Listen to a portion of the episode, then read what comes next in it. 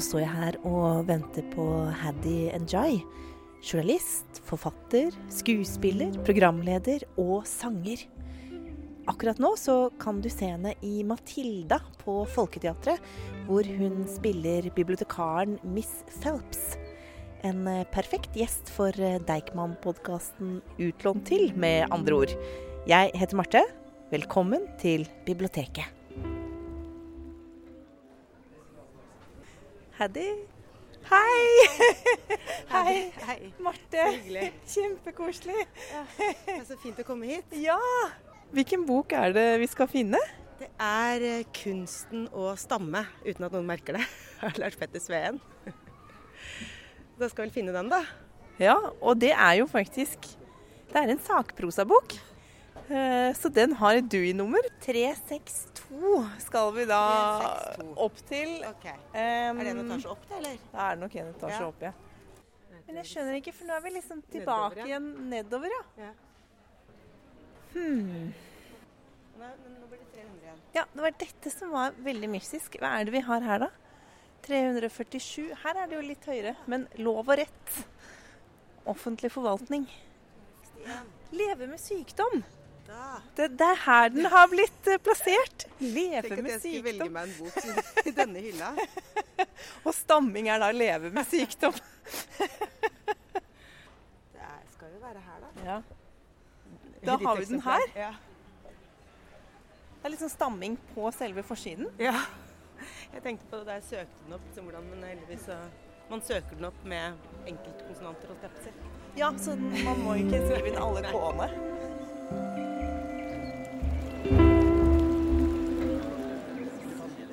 Jeg lurer på hvorfor du har valgt deg den boka her. På en måte så føler jeg at det var boka som valgte meg. For eh, i høst så mm, hadde jeg faktisk akkurat tenkt en del på eh, stamming. For jeg stammer selv om det ikke høres. Og så hadde jeg hatt en time hos en psykolog som jeg går til, hvor eh, jeg hadde snakket om det. det med stammingen min. Det er noe jeg veldig sjelden snakker om, egentlig. Og om eh, hvordan da jeg begynte å jobbe med TV, så visste ingen at jeg stammet. Og så sa jeg ja, ja, men det det har jo gått bra hver gang, sa jeg. Og så sa han ja, men eh, det ville jo gått bra selv om noen hørte at du stammet. Sa han bare sånn i forbifarten idet jeg skulle gå. Og så hadde jeg aldri tenkt på det før. At det hadde jo egentlig gått Det ville gått bra, det òg. og så gikk det noen dager. Jeg tenkte litt på hvorfor det var så overraskende for meg. Og så dumpet en bok ned i postkassa mi. Og så tenkte jeg først at jeg, uff, jeg har ikke lyst til å lese om stamming. Så la jeg den litt bort, og så kikka jeg litt mer på den. Og så bestemte jeg meg for å prøve å lese den. da. Og eh, den gjorde veldig sterkt inntrykk og har eh, ja, rett og slett forandret meg litt. Eh, Jeg ser liksom meg selv på en litt ny måte. Og jeg har lært, skjønt noen nye ting etter å ha lest boka. Og det er jo ikke alltid. Um, så derfor tenkte jeg at det var uh, interessant å ta med denne boka. Både fordi at det er litt sånn tanker som ikke er helt ferdigtygd for meg. Jeg vet ikke helt hvor den traff meg, egentlig. Så det håper jeg finner ut av i samtale med deg. og så håper jeg kunne fortelle om en bok som kanskje ikke alle har hørt om, og som kan være interessant for mange flere å lese. Enten de stammer eller ikke. Kunne du sagt noe mer om uh, han handlingen i den? Ja. Lars Petter Sveen jo, har jo skrevet eh, mange bøker, men han er en skjønnlitterær forfatter, eller har vært, i hvert fall inntil nå. Og egentlig skrevet bøker som er ganske langt fra hans egen virkelighet, så vidt jeg har forstått. Mens denne boka, den tar utgangspunkt i en kveld i 2021, høsten 2021, hvor han står på scenen eh, på Litteraturhuset. Og plutselig så mister han litt kontrollen, og så besvimer han. Og så er boka en, et forsøk på å finne ut av hva som skjedde, eh, og på å oppdage sin egen stamming, som han har brukt hele livet sitt på å prøve å skjule. Og en slags frigjøring, vil jeg si også, fra eh, skammen over å stamme. Eh, og det er det som er sånn paradoksalt med boka. Den heter jo 'Kunsten å stamme uten at noen merker det'. Og det er jo et spørsmål som har blitt stilt eh, når man har skrevet om boka også etterkant. Stammer man egentlig hvis ingen merker at du stammer? Og svaret til å lese denne boka er jo helt klart ja. Og jeg er jo litt i samme situasjon som forfatteren her, da, at jeg eh, er en stammer som veldig sjelden stammer. Eh, og det trodde jeg egentlig at jeg var ganske alene om, og jeg tenkte at jeg egentlig ikke bør snakke så høyt om stamming, fordi jeg, det er så mange som stammer så tydelig, og som eh, liksom opplever det som, en så vanskelig, eh, som veldig vanskelig i, i hverdagen sin. Men med denne boka så, så, skjønner jeg jo at den stammingen kanskje egentlig betyr mer i livet mitt enn det jeg har uh, tenkt. da. Så det har vært veldig interessant å følge den. altså Vi er født sånn cirka, han har fått to år eh, etter meg, så vi er litt samme generasjon. Og ikke helt samme reise, men iallfall veldig mye å speile seg i. Og det fins ikke mange bøker om stamming, så det er, tror jeg er første gang at jeg får lov til å ja, speile meg når det gjelder stamming da, i litteratur. Det har vært uh, veldig interessant. Kunne du lese et lite utdrag eh, for oss? Jeg tenkte jeg kunne lese om dette øyeblikket som jeg nevnte, som er utgangspunkt for boka. Vi kommer tilbake til det flere ganger gjennom boka. I hver nye del så er vi tilbake i dette øyeblikket hvor han skal opp på scenen. Så jeg leser eh, Her er vel andre gangen vi hører om den samme episoden, bare på en litt ny måte for hver gang. Klokka seks onsdag 13.10.2021 parkerer jeg bilen i Uranienborgveien i Oslo. Jeg tar på meg dressjakka som har hengt over baksetet siden jeg dro hjemmefra i tolvtida på formiddagen. Da jeg går de få hundre meterne bort til Wergelandsveien, begynner jeg å bruke teknikkene mine. Jeg prøver å puste med magen. Inn gjennom nesen, ut gjennom munnen. Holder hendene opp foran meg, ser på dem, prøver å få dem til å slutte å skjelve, prøver å få kontroll. Vanligvis får jeg det til, men det er noe som ikke faller på plass. Dunkingen i brystet har spredd seg til hele kroppen en rytme som slår ut i fingrene, inn i ørene. Da jeg åpner munnen og sier noe til meg selv, er stemmen svak, spinkel, og ordene stopper opp, hakker, skurrer. Ikke nå, tenker jeg, ikke nå. Jeg er invitert til å si noe om klima- og naturkrisen sammen med fire andre forfattere. Maja Lunde og Anne Sverdrup Tygeson lagde et forfatteropprop rett før stortingsvalget, og nå skal vi holde hver vår appell. Salen er full, og det blir gjort opptak som skal sendes til den nye klima- og miljøministeren. Vi sitter på hver vår stol på scenen i Wergelandsalen. Anne, Kristine Næss og Simon på den ene siden av talerstolen, Maja og jeg på den andre. Lyskasteren kaster et skarpt lys, for folk i salen til å se ut som utstillingsdukker. Maja snakker først. Jeg prøver å puste rolig, jevnt inn, jevnt ut. Jeg lener meg svakt forover. Ingen må se hjertet banke. Jeg er så tynn. Jeg vet det er mulig å se det gjennom skjorta, også på avstand. Og så er det min tur. Jeg reiser meg, går bort til talerstolen, ser ut på publikum, Puste rolig, ta deg tid, få ordene til å flyte. Det går bra, slik det pleier å gjøre, jeg har kontroll, selv om jeg ikke får roet bankingen i brystet og dunkingen i ørene. Jeg fortsetter, ord for ord, setning for setning, jeg har kommet nesten halvveis i manuset da det begynner å pipe i venstre øre. Jeg kikker opp. Hva er det som skjer? Pipingen forsvinner, glir over i et brus, som dønninger fra havet. Jeg åpner munnen, sier noe, men jeg hører ikke min egen stemme. Og så blir alt svart hva som egentlig skjer her, er jo egentlig det boka handler om. så det er ikke så lett å si i én setning. Men uh, sånn i utgangspunktet så er det vel at han har jo laget seg masse mekanismer for ikke å stamme. Og da må man ha full kontroll hele tiden. Ha liksom, ordentlig lys på manuset sitt, ha brillene sine. Eh, ting må være sånn som han har planlagt, og så skjer ikke det. Og så kjenner han at stammingen kommer, og da er det liksom eneste måten å unnslippe å stamme så folk hører det, det er å besvime. Ja. Og så fortsetter da boka med å utforske denne stammingen fra forskjellige vinkler. da. Altså familien, logopeden. Han forteller jo at han begynte å stamme da han var barn, noe som jeg har skjønt er ganske vanlig. Når begynte du å stamme? Eh, jeg må ha begynt å stamme i barnehagen. Det er jeg ganske sikker på. Eh, men eh, begynte ikke å plage meg noe særlig før eh, jeg begynte på skolen, tror jeg, så vidt jeg husker da. Og da ble jeg jo tatt ut for å gå til logoped, og det beskrives jo også her hvordan man liksom tas ut av klassen for å gå til logoped. Men jeg, tro, jeg, tror ikke jeg var der mange ganger, for jeg er jo også sånn at jeg stammer jo lite når jeg konsentrerer meg om å snakke, sånn som nå. Så stammer jeg jo ingenting, egentlig. Um, så da jeg kom hjem moren min, Jeg spurte moren min, hun sa at ja, da du kom hjem fra logopeden, så sa du Hun sa jeg hadde en veldig fin stamming, hadde jeg sagt. Og jeg har sånn type stamming hvor jeg egentlig ikke Jeg um, hakker ikke så mye. Det er ikke sånn p -p -p Men det er mer sånn at jeg blir stille, da. Og det er jo på en måte greit, fordi hvis jeg da ikke klarer å si noe, så tror folk at jeg ikke skal si noe. Så går de, eller de begynner å snakke om noe annet. Men samtidig så er det også veldig ubehagelig, fordi det er ikke det folk forbinder med stamming. Så når det bare blir stille, så blir de litt utrygge på hva det er som skjer.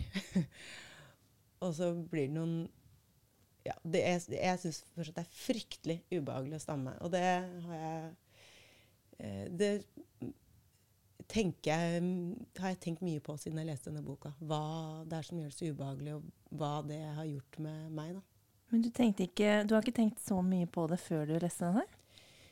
Det er det at jeg, når jeg tenker tilbake, så ser jeg jo veldig mange øyeblikk hvor jeg har tenkt på stammingen min. Men så har jeg bare trodd at jeg ikke Eller jeg har, jeg har hatt en nesten sånn barnslig tanke om at hvis jeg ikke tenker på det og ikke snakker om det, så er det liksom borte. Eh, og igjen da, så jeg, føler jeg også at det er nesten absurd å snakke om fordi jeg eh, stammer så lite. Og det går jo veldig i faser også. At i noen perioder, eller det trenger ikke være perioder, det kan være noen dager f.eks. hvor jeg stammer mye. Og for meg så handler det mye om pust. da. At um, jeg, når jeg er i faser eller dager eller timer til og med hvor jeg sliter med pusten, uh, så får jeg mye mindre kontroll på stemmen. Og da får jeg mye mindre kontroll på stammingen. Og da gjelder det å finne måter å liksom bytte ut ord eller eh, For meg så er det det å puste riktig. Da. Puste kanskje på en litt rar måte eller ja. Men eh, da jeg leste boka, så begynte jeg å tenke når var det første gang jeg tenkte på at jeg stammet, og hvordan tenkte jeg på det? Da ser jeg jo at det egentlig har fulgt meg alltid. Eh, jeg begynte å jobbe med TV da jeg var ti. Og da stammet jeg ganske mye egentlig den perioden. Det var ganske sånn krevende fase i livet mitt egentlig, hvor jeg også skulle være programleder.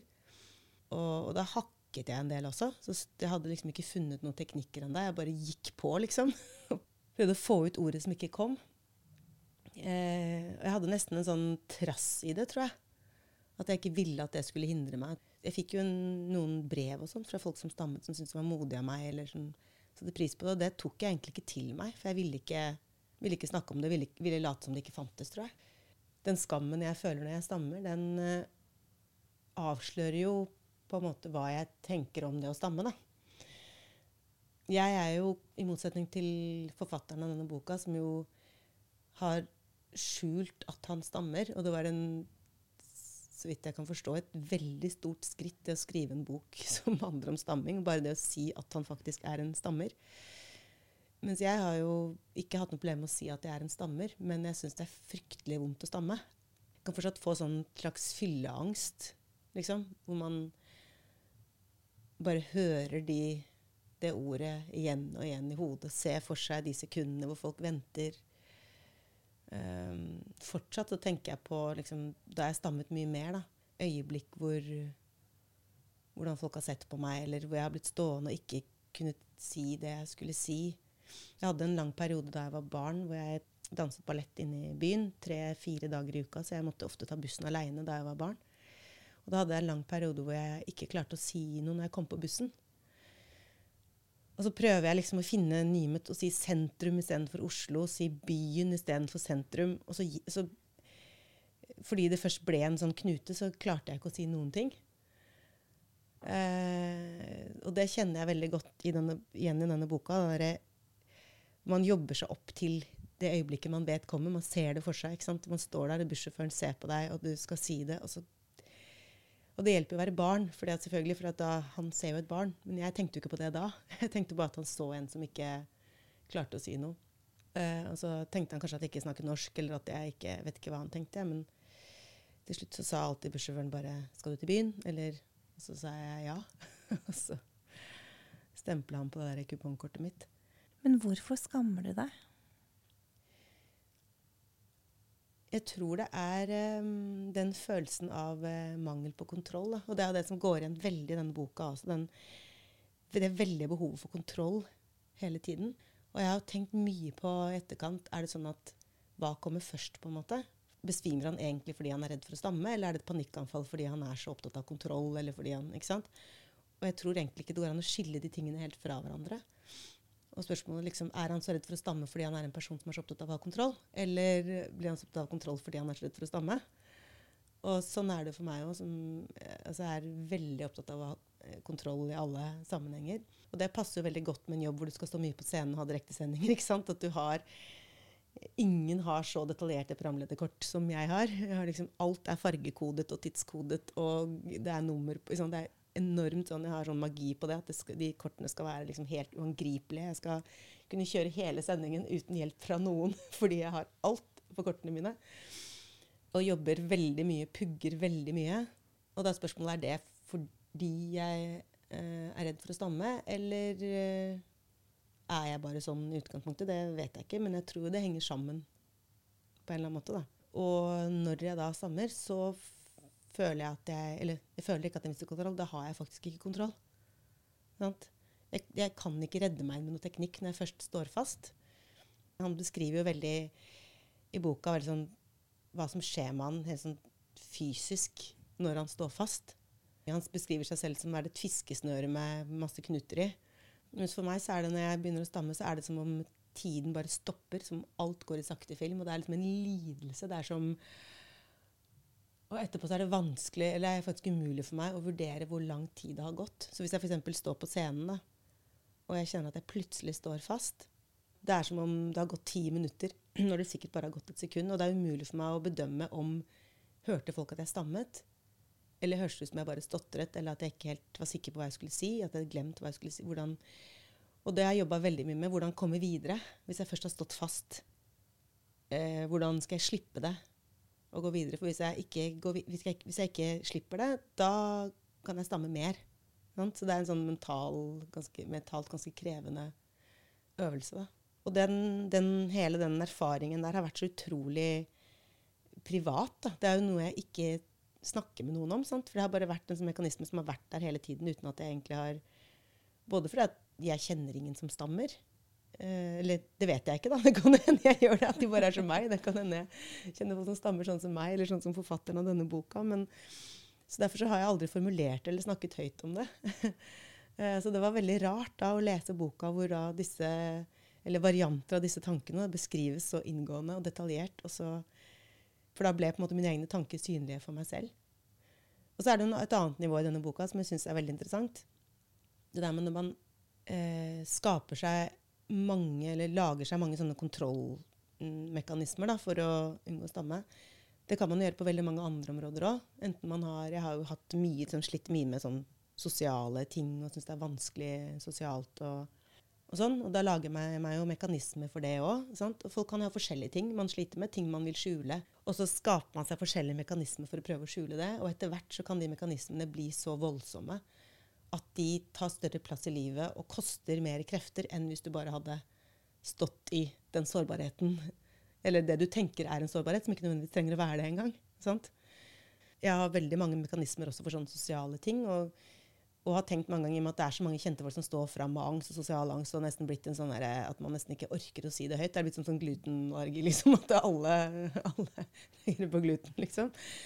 Eh, så har jeg tenkt sliter jeg egentlig med det? Eh, har, men så tenker jeg hvor mange mekanismer har jeg for å, for å håndtere det? Og det er veldig mange. Uh, og heldigvis er mange av de mekanismene etter hvert da, Nå har jeg gått til psykolog i sjukt mange år. da, så etter hvert så har de mekanismene blitt ganske positive, at de liksom fungerer godt for meg. Men i dårlige faser så kan de også fungere så kan med ty til sånne mekanismer som fungerer dårlig. Jo dårligere man er, jo mer primitive mekanismer tyr man til ofte. mekanismene jeg bruker for å klare å være til stede blant andre mennesker, eh, blir så ødeleggende at jeg får mer angst. Sant? Og det, her, det, er denne boka en god studie i. Da, hvordan sånne mekanismer eh, kan eh, være veldig kontraproduktive. Og også det med at i det øyeblikket han begynner å snakke om stamming, og tør å stamme Han har jo en sånn siste det, Jeg tolker det som et slags tankeeksperiment, hvor han står der på scenen og stammer, og ikke besvimer. Sant? Eh, han har også et panikkanfall et annet sted i boka, hvor han tør å si det høyt til noen, og plutselig opplever at folk sier ja, men det har jeg også hatt, eller ja, det har mannen min også hatt, ja, jeg også besvimte. Og så blir det ja, nesten litt sånn Det er komisk, man kan nesten sånn, føle seg litt dum som har sett på det som noe unikt? Ja, sånn unikt, fordi folk går rundt og angster og stammer og besvimer og holder på uten, at man, uten at de forteller det. sant? Det er veldig ofte i sårbarhet at vi liksom møte hverandre som mennesker, da. Det er jo mange, mange av de mekanismene som forfatteren skriver om, det virker jo det, slitsomt for kroppen. Han, øh, han, er jo masse på scenen selv, intervjuer andre forfattere. Øh, og hvor han liksom knyt, nærmest knyter liksom kroppen sin sammen for å, for å takle Mm. Takle den intervjusituasjonen, da. Mm. Det er jo veldig kroppslig, det å stamme.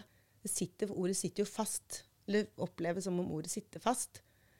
Og så er det kroppslig på den måten, òg, opplever jeg da, at uh, jeg blir så synlig. Fordi det er klart, når man snakker sammen, så ser man på hverandre liksom på automatikk. Men i det øyeblikket noen sier noe eller gjør noe som er uventa, så ser jo alle på deg på en helt annen måte. Uh, så man blir sett på akkurat i det øyeblikket hvor man helst vil være usynlig. Så begynner folk å granske deg. Og på en scene blir det ekstra tydelig, fordi man blir i utgangspunktet sett på. Og jeg er jo sånn som da, og det er også helt idiotisk med den jobben jeg har, men jeg, jeg er en som i utgangspunktet har et litt sånn komplisert forhold til å bli sett på. Eller jeg trenger å være i en slags rolle da, når jeg blir sett på. Og det som skjer når jeg stammer, er at jeg mister liksom rollen min. Samtidig som det, at, det å gå inn i en rolle er den beste det, eh, beskyttelsen jeg har da, mot å stamme. Så det oppdaget jeg egentlig da jeg var, sånn, da jeg var tenåring. Så var det en periode hvor jeg stammet ganske mye. Og så skulle jeg holde foredrag i engelsken. Og engelsk er vanskelig. Og så skrev han i boka at engelsk er vanskelig fordi det er mye vanskeligere å kaste om på setningene og bytte ut ord og sånt på engelsk. Så ja, jeg strevde mye med hvordan jeg skulle legge opp det, men så fant jeg ut i siste øyeblikk at hvis jeg er den personen jeg skal snakke om, istedenfor å bare beskrive henne, uh, så kanskje jeg kan lure stamminga med det. Og det gjorde jeg. Da klarte jeg å holde foredraget Han snakker om å finne den stemmen som flyter. Og da fant jeg den stemmen. Og for meg så er det jo mer en slags rolle. da. Han, snakker, han, tenker på det som forskjellige stemmer, jeg tenker på det som forskjellige roller. da var jeg den, den programleder-Haddy, liksom, som, hvor alt liksom flyter, og man kan kaste inn en kommentar og liksom alt sånt. For det også er veldig vanskelig, kan være vanskelig da, i vanskelige faser, det å bare skyte inn en kommentar uten å planlegge det. fordi da rekker jeg ikke å liksom, innstille pusten eller velge ord eller ja, sånn. Eh, men da var jeg plutselig der hvor jeg, kunne, jeg følte at nå kan jeg si hva som helst, eller det bare, det bare flyter av gårde. Og det har jeg jo fortsatt med. da, og det er jo kanskje noe at, For det kan virke litt sånn merkelig å skulle velge den Eller velge og velge. Man, jeg vet ikke i hvor stor grad man egentlig velger hva man jobber med. I hvert fall for min del. liksom bare skjedd. Men Det er utrolig modig, da. Men jeg, tenker jeg. At, eller jeg bare Wow. Du, du eh, har vært masse programleder. Eh, skuespiller, sanger Altså Ja, jeg tenker nå, nå har jeg så gode mekanismer at jeg opplever det ikke som så modig. Men da jeg var tenåring, så tenker jeg selv at jeg var ganske modig. Som, for jeg fortsatte liksom å ta ordet og rekke opp hånda og sånn. Det skriver jo um, forfatteren en del om i boka også. De, han har en veldig fin passasje som jeg kanskje kan lese etterpå, om uh, hvor han, en, han, skal spille i et stykke på skolen, sånn skoleteater og får en én setning han skal si. Og så ender han med at folk tror at han har glemt setningen fordi han ikke klarer å si det. Og også på skolen så får han beskjed fra læreren, eller foreldrene får beskjed fra læreren at, om at han ikke har lært seg å lese, som den eneste i klassen. Og det er jo fordi han ikke vil lese høyt, fordi han stammer. Sant? Selv om han kanskje var den første som lærte seg å lese. Mens jeg har faktisk hele veien da, eh, sånn insisterende valgt å snakke. Og jeg vet ikke helt hvor det kom fra, men uh, det syns jeg egentlig var litt modig. Men det jeg tror det har kostet for meg, da, da jeg faktisk stammet mye og bare rakk opp hånda og stammet og stammet, og stammet, særlig når man er tenåring og det er liksom ganske vondt å stamme eh, Det har kostet det at jeg fikk veldig lenge en ganske sånn Gikk med en veldig sånn opplevelse av at det var, at det var meg mot verden. da. Hadde nok en veldig sånn aura av avstand. Og at jeg ikke ville bli kjent med noen, at jeg ikke var interessert i dem. At jeg ikke at jeg, ja, satte meg selv veldig utenfor. Og det var en beskyttelse på mange måter, men jeg har ikke tenkt på egentlig før at det var en beskyttelse med tanke på stammingen. Jeg har tenkt at det var så mye annet som var rart med meg. Liksom, at det var for å slippe å bli holdt utenfor hvis de oppdaget hvem jeg var. Men så tenker jeg jo etterkant at, eller når jeg har lest den boka, så tenker jeg at fader heller det Husker da jeg begynte på videregående, så hadde vi sånn bli kjent Man skulle liksom si 'hei, jeg kom fra den skolen'. For jeg begynte på videregående i Oslo og kjente ingen. da. Eh, og da sa jeg hvilken skole jeg kom fra, så sa jeg at og jeg stammer, så du trenger ikke å spørre om det. eller noe sånt. Og det er jo liksom ikke akkurat noe sånn myk, varm og vennlig ønske om å bli kjent. Det, ikke, det ble ikke sagt med, eh, med, et smil. liksom. Det var sånn Jeg har nok i livet mitt, jeg er ikke her for å få venner, liksom. Det var egentlig det. Og det var en beskyttelse, selvfølgelig, for å slippe at folk skulle påpeke det eller lure på det. eller eh, sånn. Slippe å få det blikket hvor folk lurer 'hva er det med deg?' Det tenker jeg er sånn med han forfatteren òg, at han har sikkert tenkt på livet sitt fra mange forskjellige vinkler. ikke sant? Og man går opp på forskjellige topper, sånn pleier jeg å se det da. Så ser man liksom livet sitt det, fra det perspektivet. Sant? Og da ser det på en måte, og så går man opp på en annen topp, og så ser man livet fra den siden. ikke sant? Og, og alle vinklene er jo sanne. Det er jo ikke sånn at man bare er en sønn eller datter, eller bare er en far eller mor, eller bare er en stammer. Men for meg var det veldig interessant å gå på denne toppen da, og se livet mitt som stammer. og plutselig se helt andre sider eh, av min egen historie enn jeg ville sett eh, før. Og det er det jo ikke så mange bøker som, som får til at den gjør. da. Kan du ikke lese det stykket? Ja, lese det fra um, Vi skulle framføre et julespill for foreldrene våre. Jeg husker bare det jeg ikke greide å si. Da jeg fikk arket og så replikkene mine, visste jeg med en gang hva som ville komme til å skje. Men jeg gjorde ikke noe med det. I julespillet skulle min karakter si setningen Jeg tror den liker ost. Det er jo helt latterlig, både at den enkle setningen kunne være så skummel, og at jeg fremdeles husker den. I ukene opp mot julespillet øvde vi i flere skoletimer. Hver gang det var min tur og jeg skulle si denne replikken, lot jeg som om jeg hadde glemt den. Det førte alltid til at noen andre sa den for meg. Jeg husker at jeg tenkte dette går ikke, jeg må si ifra. Og jeg prøvde, men da jeg skulle fortelle læreren at jeg ikke greide å si ordet ost, trakk jeg meg. Det var først og fremst vokalen, o-en, som ligger først i ordet ost, som gjorde at alt stoppet opp, satte seg fast.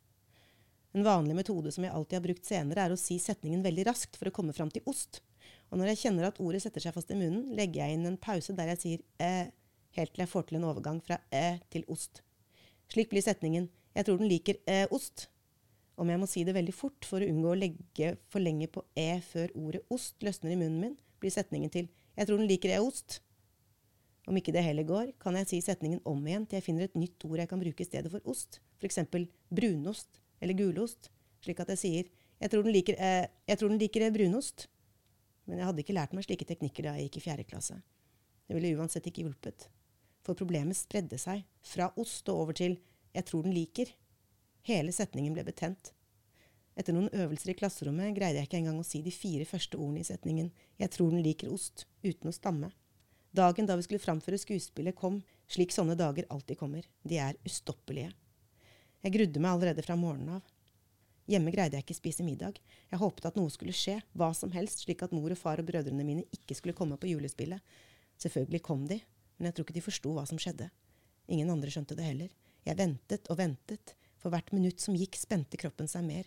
Det var som om jeg fra tærne og opp gjennom ryggen og ut i fingrene var en ståltråd noen hadde tvunnet rundt og rundt og rundt, og som nå prøvde å tvinne seg ut igjen. Da tiden var inne og jeg sto der sammen med Marit, jenta som spilte mot meg, var jeg nesten letta. Endelig skulle det skje. Jeg sa ingenting. Jeg prøvde ikke engang. Jeg sto helt stille og stirret framover, til siden for Marit. Både læreren og Marit hvisket replikken til meg. Jeg tror den liker ost. Jeg sa ingenting.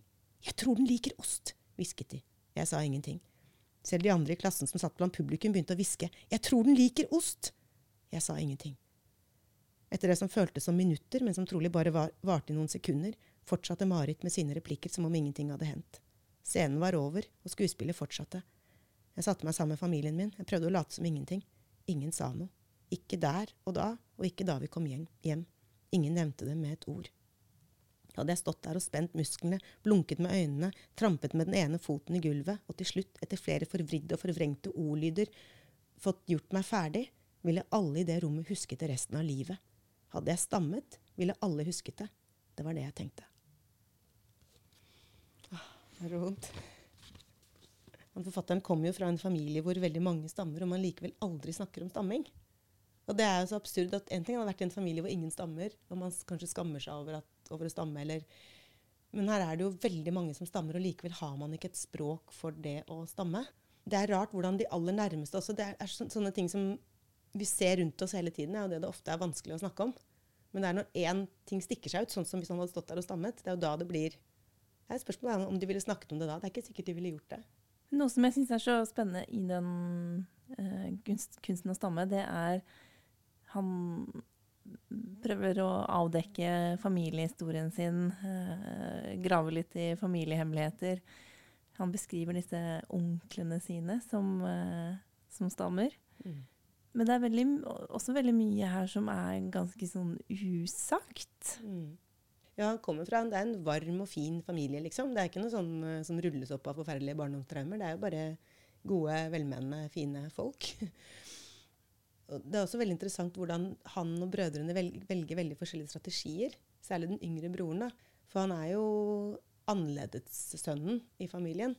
Og alltid liksom skiller seg veldig ut da, med å være den, den som skriver og er veldig sånn nerdete og opptatt av språk og bøker og For han har to brødre som er veldig handy, Ja. kan vi vel si. Ja. I likhet med Lars Petter Sveen, da, som forfatteren er, som jeg liksom føler jeg kjenner litt når jeg har lest denne boka, så er jo han en veldig sånn Han er nok en, en analyserende type. Og et veldig sånn, ganske sånn tenksomt barn. Og sånn var jeg at jeg tenkte veldig mye, leste veldig mye, drev liksom veldig Ting ble veldig alvorlig veldig fort for meg. Mens denne broren kanskje er litt flinkere til å ikke ta ting så alvorlig. Og gjør litt narr av seg selv. Og det også er et tema i boka, da, det med hvordan det å ha selvironi på stammingen, som jeg aldri har klart. Og som han, Lars Petter Sveen heller aldri har klart. Mens broren hans gjør da åpenlyst narr av seg selv og tuller med det. Og, og det er ganske fascinerende at de, to- de to som har vokst opp helt likt, liksom, har så forskjellig strategi.